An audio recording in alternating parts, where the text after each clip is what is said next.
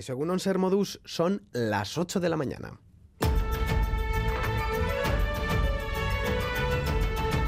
Crónica de Euskadi con Lier Puente. El Athletic Club condena los graves altercados producidos el jueves en los prolegómenos del partido de Copa que le dio el pase a la final de la competición. El Athletic ha reiterado su compromiso total por un fútbol sin violencia, mientras que el Atlético de Madrid ha denunciado el deficiente operativo de seguridad y ha decidido no vender entradas a seguidores del conjunto vizcaíno para el próximo partido de liga. El consejero de seguridad, Josué Coreca, cree que los altercados responden a actitudes fanáticas, intolerables y violentas que recuerdan a etapas ya superadas. Por su parte, Erne, Esan, Sipe, Euspel y Erzañas en lucha han pedido a los responsables policiales que asuman sus errores por el dispositivo.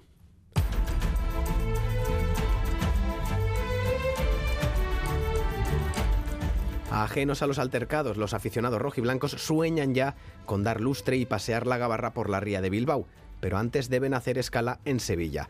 Para la final, los vuelos y los alojamientos están por las nubes. Ayer a las 10 de la mañana se había agotado la oferta de vuelos charter a Sevilla y la habitación de hotel más barata supera los 350 euros.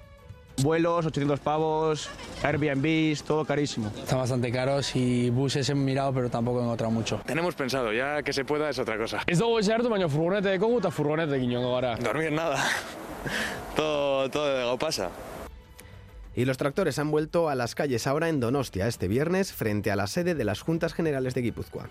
Últimamente los gastos se han disparado por todos los lados, además se está poniendo imposible porque cualquier cosa que vayas a comprar te vale cuatro veces más. Las ayudas que nos están dando no son suficientes para nada. Creo que hay jóvenes que querrían seguir. El tema es que está tan difícil que la gente abandona.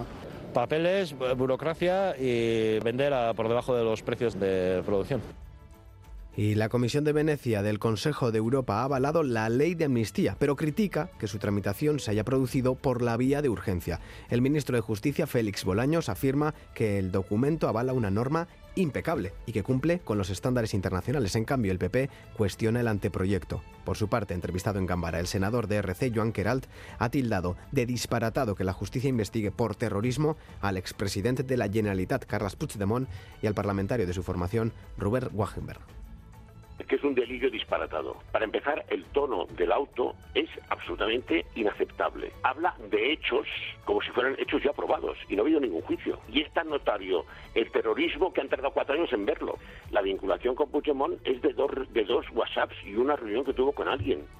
En esta portada guardamos un espacio para el deporte. John Hernández, Egunon. Egunon Lier, en fútbol la cita más destacada del día es el duelo entre el Sevilla y la Real Sociedad, que se va a jugar a las 2 de la tarde en el Sánchez Pizjuán. En baloncesto, en la Euroliga ayer el Vasconia cayó por 111 a 96 ante el Fenerbahce en Estambul. En Liga Endesa hoy juega el Sur Neviro Basket en eh, Málaga ante el Unicaja a las 6 y en cambio en la Liga Femenina Endesa tenemos tres citas y de Causcotre en casa de Monzaragoza a las 6, en Sinolo Intec Guernica a las 7 y cuarto y Cadilaseu Cuchaban a partir de las 7 y media. En pelota comienza la liguilla de semifinales en el De Iruña con el duelo que enfrenta a Jaque y Mariz Curena frente a Artola e Imaz. En balomano, derrota anoche del Vidasoa Irún en Puente Genil por 28 a 27 en un final muy ajustado. Y en fútbol sala también eh, dos malas noticias. El Rivera Navarra perdió en eh, Cartagena por 3 goles a 2 y el Shota cayó en casa ante el Jaén por 4 a 6.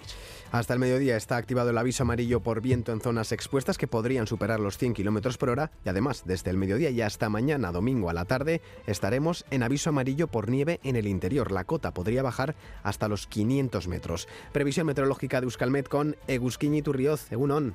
Egunon, por la mañana el viento del suroeste soplará con fuerza, con rachas muy fuertes y aunque se pueden escapar algunas gotas, en general aguantará sin llover. Hacia el mediodía, en cambio, volverá a cambiar el tiempo radicalmente. El viento girará noroeste con fuerza y un frente frío muy activo barrerá todo el territorio. Durante la segunda mitad del día, tiempo muy inestable, con chubascos que podrían ser localmente intensos, tormentosos y con granizo pequeño.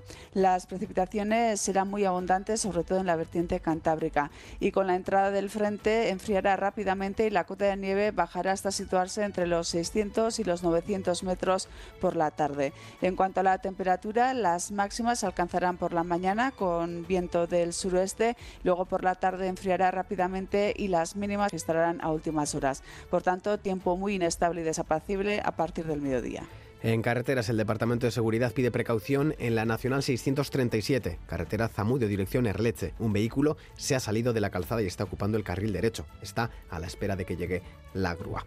Reciban un saludo de los compañeros y compañeras de redacción que hacen posible este informativo, también de Aitora Rizabalaga y Joseba Urruela desde la parte técnica. Son las 8 y 5 minutos. Comenzamos.